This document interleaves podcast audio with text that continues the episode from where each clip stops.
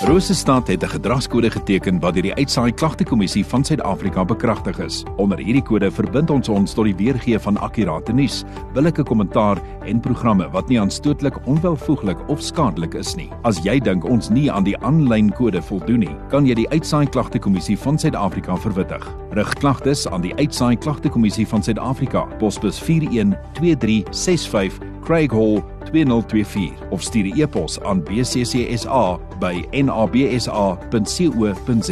Vir verdere inligting, besoek www.bccsa.co.za.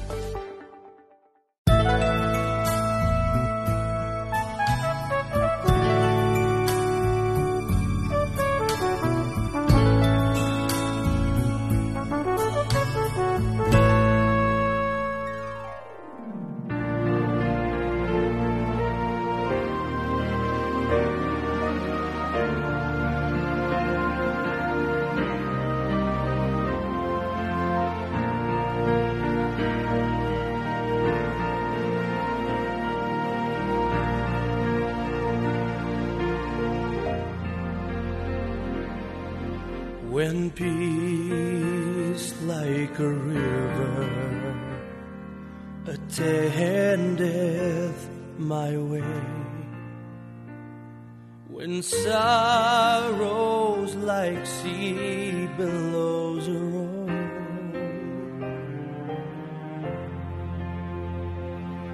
whatever my lot, thou hast taught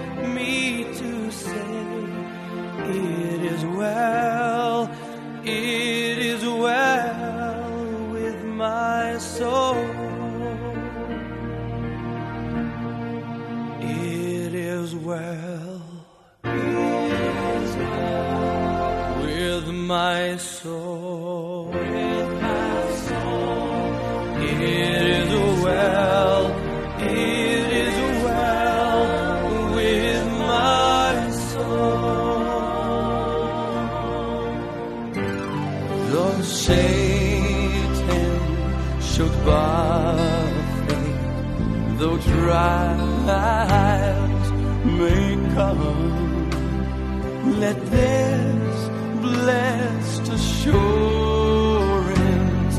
control that Christ has regarded my helpless estate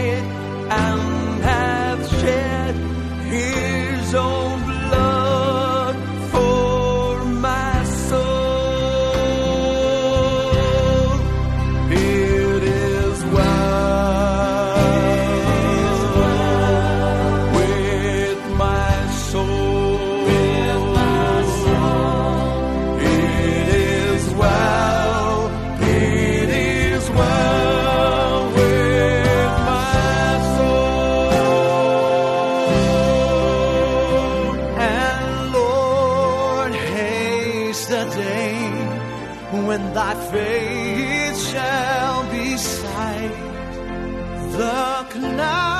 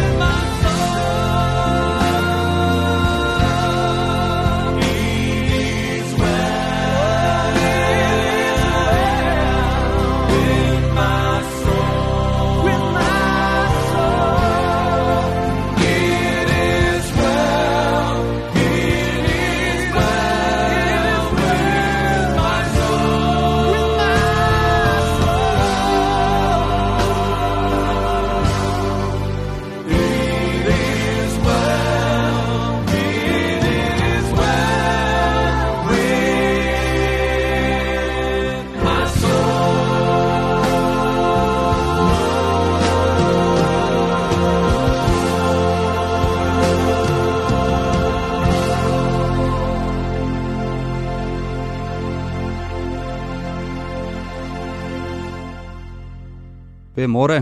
Ons kom in 'n tyd van die jaar hier waar ons nou is. Ons is reeds in 'n tyd waar daar baie oor Jesus Christus gedink word, veral rondom sy geboorte in 'n stal in 'n krib hier rondom Kerstyd. En juist daarom dat ek vanoggend graag saam met jou wil luister na Matteus 17, sodat ons altyd in gedagte hou wie is hierdie Jesus, nie net 'n pap babietjie in 'n krib nie, maar ware God wat bekleë is met ware heerlikheid sodat ons nooit klein van hom sal dink nie. Maar jy is die wonderlike genade mag raak sien dat hy wat so heerlik is gebore is vir ons. Ek lees vir ons saam uit Matteus 17 vers 1 tot 9. En na 6 dae het Jesus vir Petrus en Jakobus en Johannes sy broer saamgeneem en hulle op 'n hoë berg in die eensaamheid gebring. En hy het voor hulle van gedaante verander en sy aangesig het geblink soos die son en sy klere het wit geword soos die lig.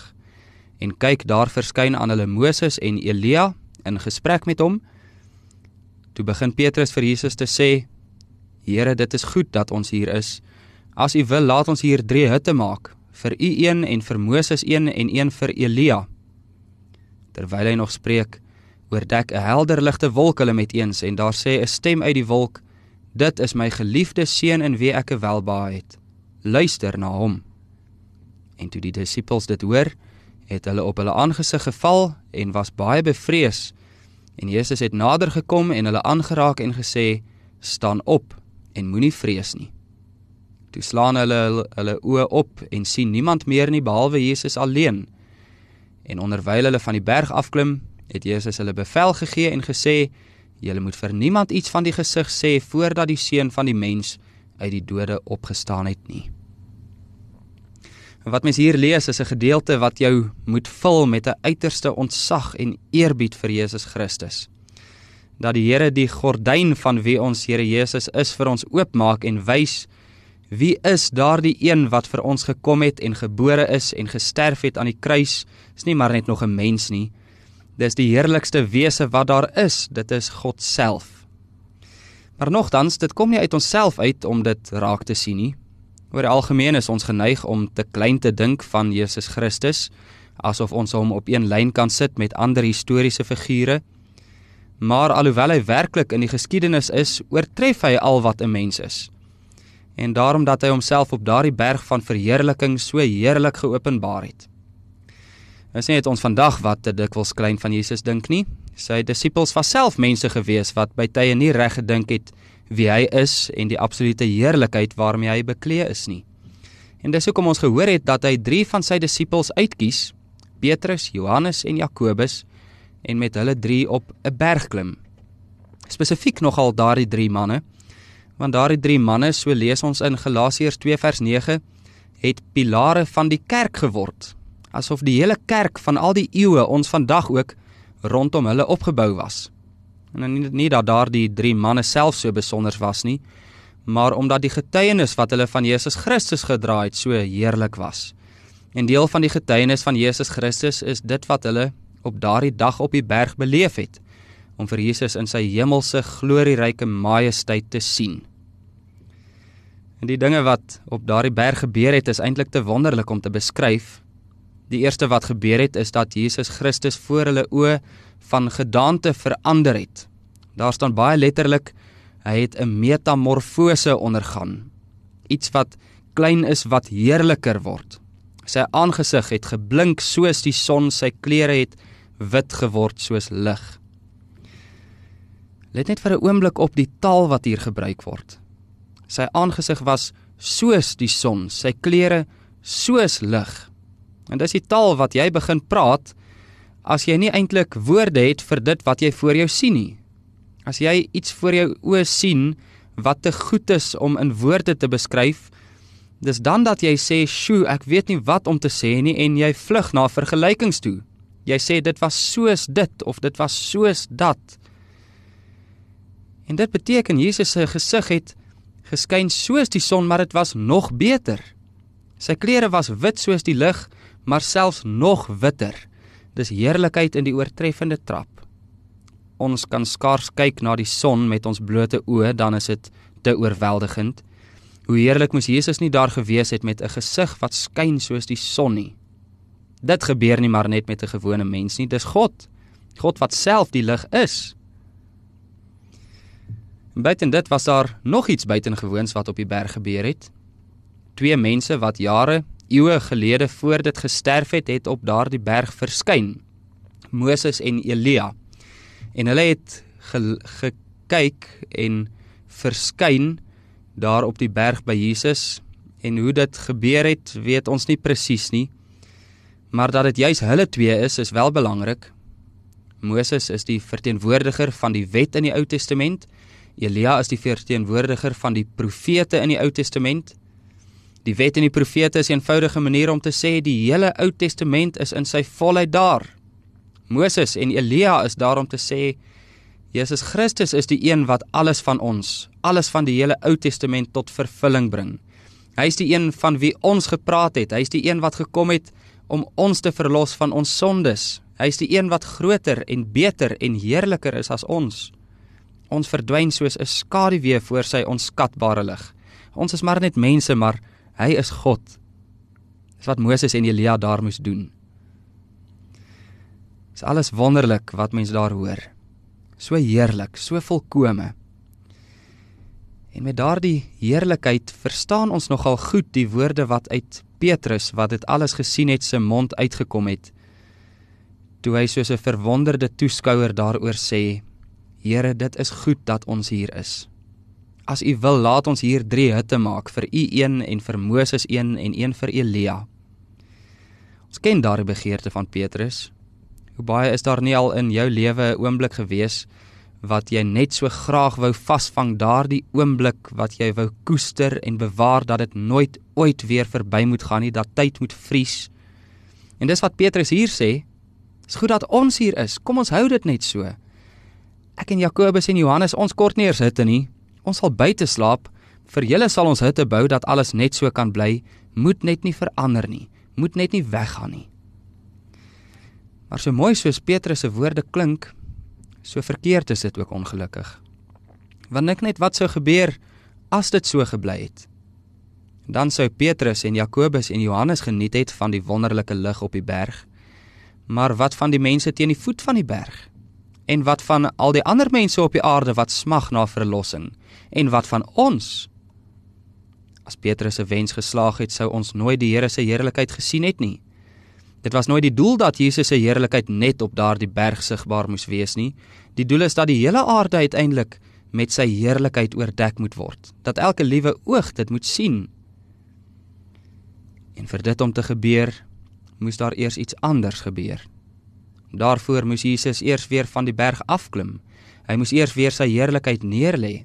Hy moes homself eers gaan oorgee vir die vloekdood aan 'n kruis. Hy moes eers betaal vir ons sondes want anders kan ons nooit sy heerlikheid sien nie. Dankie tog dat Petrus se begeerte nie uitgekom het nie. Inteendeel, die Here het Petrus se woorde net daar en dan afgeknip. Terwyl Petrus nog praat, het daar 'n stem uit die hemel gekom wat sê: Dit is my geliefde seun in wie ek welbehae het. Luister na hom. Die Vader sê uit die hemel: Jesus in sy heerlikheid, dis my seun, ek het hom lief. Ek het hom vir julle gegee. Maar hoor die opdrag wat daarby kom. Luister na hom. 'n Wonderlike opdrag. Petrus wil vassteek by wat hy sien, maar die Here sê dit gaan nie oor wat jy sien nie.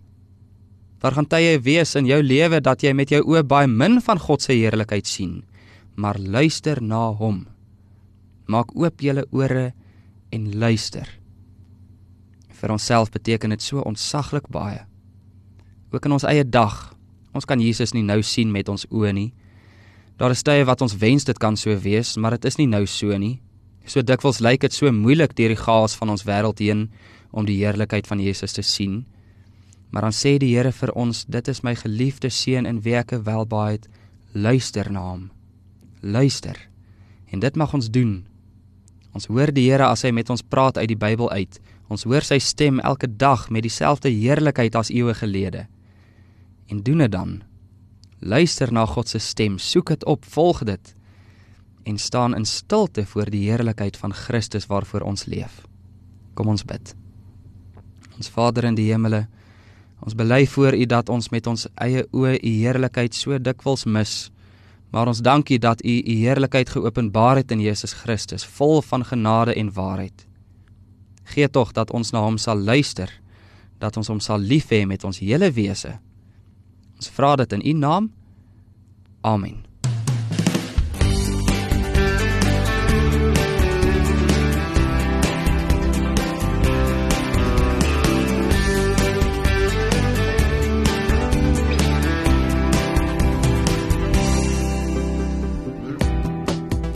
Sal my laaste asem uitblaas.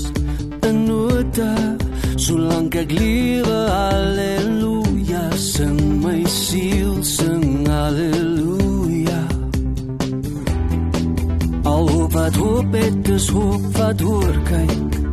As mense want selfs die hoogste diepste denkers sal so stof op en hier Wel geluksalig is hy wat die God van Jakob pas op het. Wie so hoog, hoog by die Here lê. By die Here waar die hemel, die aarde, die see en alles daarin gemaak het. Wat brood gee vir my is 'n kommernis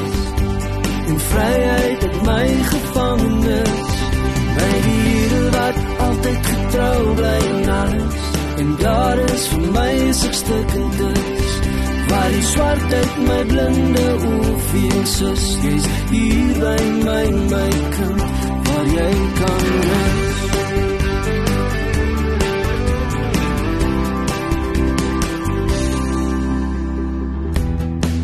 Die Here is lief vir die wat luister en hom volg solank ek lewe haleluja sing my siel sing haleluja God se hand beskerm swerwers en vreemdes. Hy is die pa van weggooi kinders. Sing my siel sing haleluja Wel geluksalig is hy waar die God van Jakob op het. Wie so hoog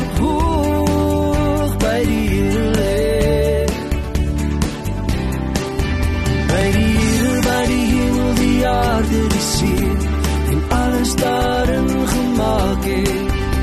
Wat brood gee vir my is 'n kommernis en vryheid uit my gevangenis.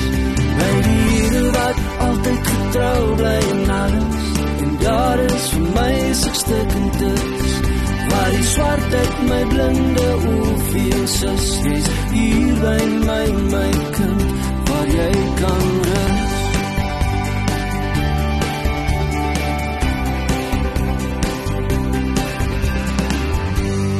Wel geluksalig is hy waar die God van Jakob pas op het.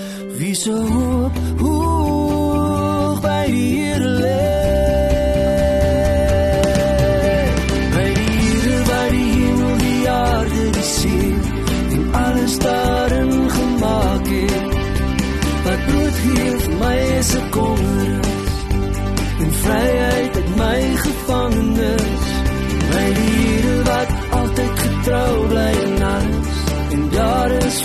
vir my sukstukkends waar die swartheid my blinde oë veel sus jy's hier by my my kind waar jy kan